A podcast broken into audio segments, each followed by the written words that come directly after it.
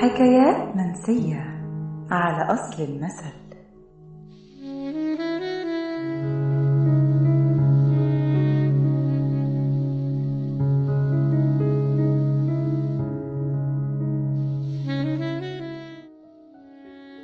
جحا أولى بلحم طوره. عامل زي مسمار جحا. بلدك فين يا جحا؟ وودنك منين يا جحا؟ ده غير حكايات جحا. مع حماره كل دي أمثلة وحكايات ورد فيها اسم جحا. بس يا ترى مين جحا اللي كل الحكايات دي نسبت ليه؟ وهل كان شخصية حقيقية ولا مجرد أساطير بننقلها لبعض وبنزود عليها من خيالنا؟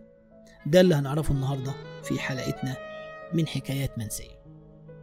وادي جحا المصري شايفينه ده حماره اللي جحا المصري. شايفينه ده حماره اللي أنتوا عارفينه. جاي وضحكته في شفايفينه. سابقه وحبايبه وزفينه هلت أنوارك. يا جحا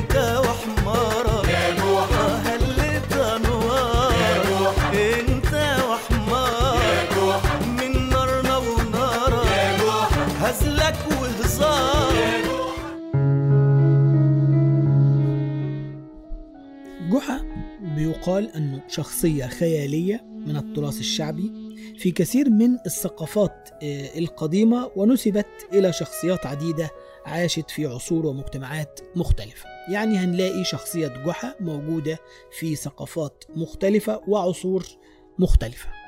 في الأدب العربي مثلا نسب جحا إلى أبو الغصن دجين الفزاري.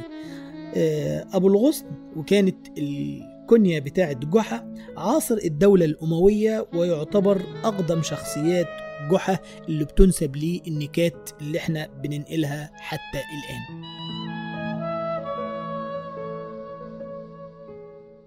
شخصية جحا كانت شخصية رجل فقير كان بيعيش أحداث عصره بطريقة مختلفة كان بيتماشى مع تلك الأحداث شبه الحقيقية لأنه كان بيتصرف بذكاء كوميدي ساخر فانتشرت قصصه ومواقفه اللي كان بيتعامل معاها في حياته اليومية وكانت بتن...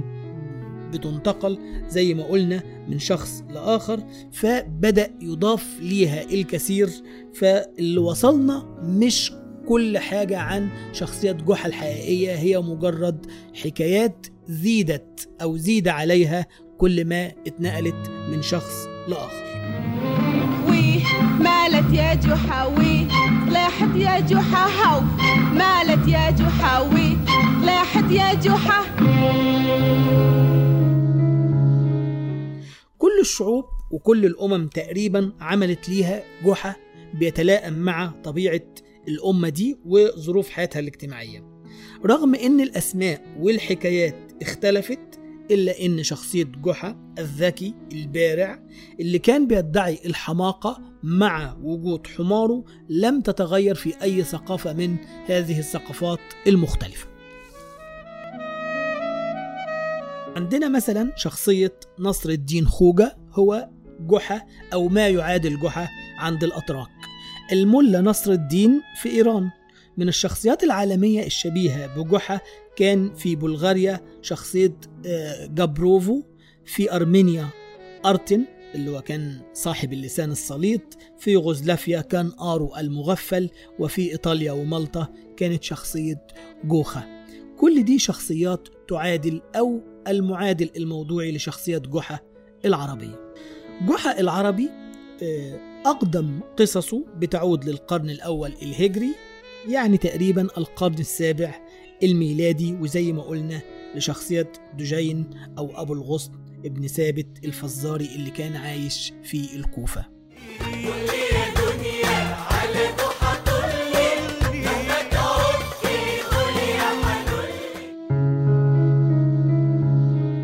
الشيرازي قال عن جحا إنه لقب له يعني ما كانش اسمه جحا. كان ظريفا وما يقال فيه مكذوب عليه. يعني اللي بيتقال فيه مش حقيقي وإنه ناس كتير نسبته إلى جحا وهو غير صحيح. الحافظ ابن عساكر قال عنه إنه عاش أكثر من مئة سنة وإن جحا كان تابعي وكانت أمه خادمة لأنس بن مالك.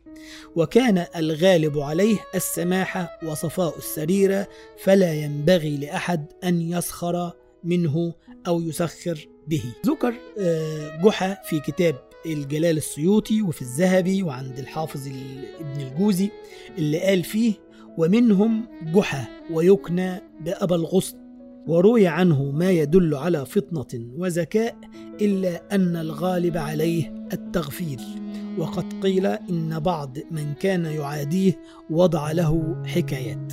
إذا في الأدب العربي اتفق كل كتاب الأدب العربي القديم أن جحا شخصية حقيقية كانت تتمتع بذكاء وفطنة وبعض الظرف غير أن ما قيل فيه أو مكذوب عليه ليس آه، في شخصيته.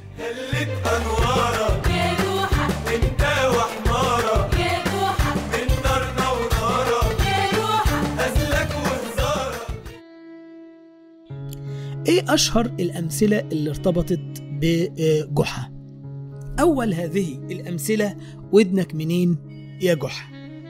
وده لما يكون حد ضمن صفاته اللف والدوران عن عمد فيختار الطريق الصعب عشان يوصل لك المعلومة وربما يكون قصده عدم حل المشكلة. فعلى طول بنقول له لأنه اختار الطريق الصعب عن جهل ودنك منين يا جحا؟ جحا أولى بلحم طوره وليها برضو أصل في التراث العربي وفي بعض التراث آه، الأجنبي آه، إنه كان آه، من نوادر جحا إنه دعا جيرانه عشان يذبح لهم الطور بتاعه. فلما لقى ال- العدد كتير جدا فحب يعمل فيهم حيلة أو يطفشهم بالمعنى الدارج فقال لهم هتقعدوا في صف منتظم. لما بدأوا يقعدوا في صف منتظم قال لهم الشيوخ يقعدوا لوحدهم والشباب لوحدهم والأطفال لوحدهم. بدأ يروح عند الشيوخ ويقول لهم إن الشيخ منكم مش هيقدر يهضم لحم الطور لأنه صعب على معدته والمريض فيكم مرضه هيزيد لأن الدهون تقيلة في هذا آه، الطور. فالشيوخ بي- بينصرفوا. يروح للشباب طبعا بيقول لهم أنتوا شباب وقادر على التحمل فهتنتظروا حتى نطعم آه الفقراء. يروح عند الأطفال ويقول لهم يعني عيب إن الأطفال ياكلوا قبل الكبار فأنتوا هتنتظروا حتى يأكل آه الكبار. على مدار اليوم بينتقل من صف لصف لحد ما الجميع بيطفش بالفعل وكلهم بيسيبوا الطور وكل المدعوين بينصرفوا فبيضحك وبيقول جحا أولى بلحم طوره يحيى جحا وتحيا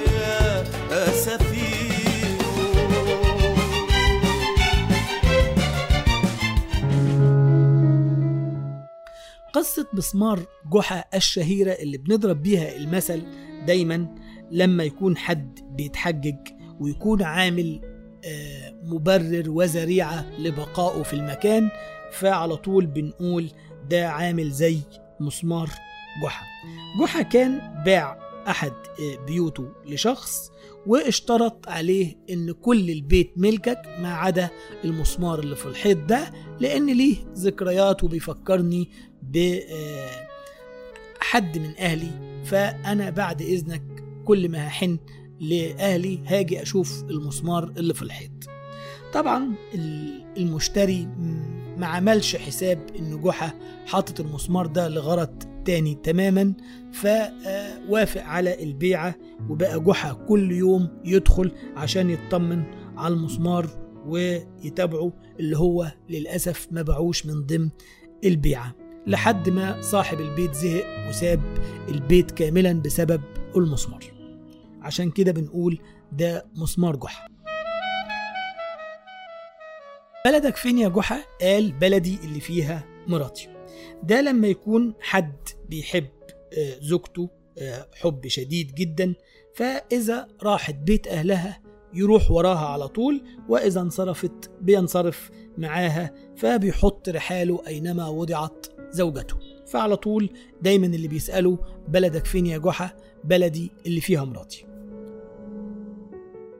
جحا وحماره ودي قصة شهيرة بتتقال آه، للأطفال اللي هي الشخص اللي بنعاتبه في كل الظروف مهما عمل ومهما آه، ساعد الآخرين أو مهما حاول يرضي الآخرين فهو في وضع اللوم والعتاب. عشان كده بنقول ده عامل زي جحا وحماره قصة جحا وحماره وابنه قصة شائعة ومعروفة بتقول إن كان جحا وابنه راكبين على ظهر الحمار فعد على ناس قالوا إن جحا ما يعرفش الرحمة إزاي هو وابنه يركبوا الحمار.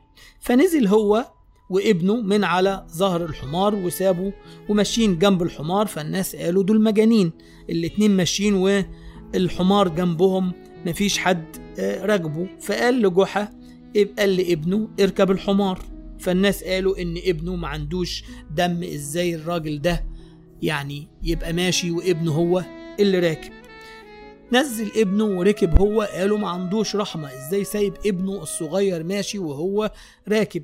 فنزل وشال الحمار هو وابنه لما زهقوا من تعليقات الناس طبعا فالناس قالوا المثل ده أو بدأ يضرب آه، فكرة ان جحا وابنه اتجننوا بالفعل لأنهم شايلين الحمار.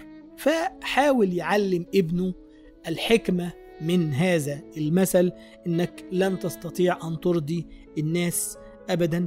وكان لازم فكرة آه، الحمار واعتراض الجميع على أي حال هيعمله جحا أو ابنه.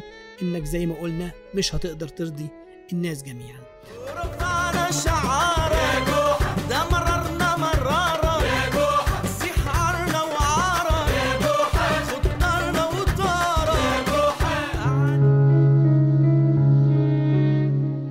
بتكمن في حكايات جحا الحكمة والفطنة زي ما قلنا ولكن بعض السخرية اللي التصقت بشخصية جحا زي ما قلنا ربما تكون من نقل الروايات عن آخرين. دي كانت شخصية جحا النهاردة اللي اتكلمنا عنها في حكايات منسية. استنونا في حلقة جديدة مع رحاب الدين الهواري من المصري اليوم.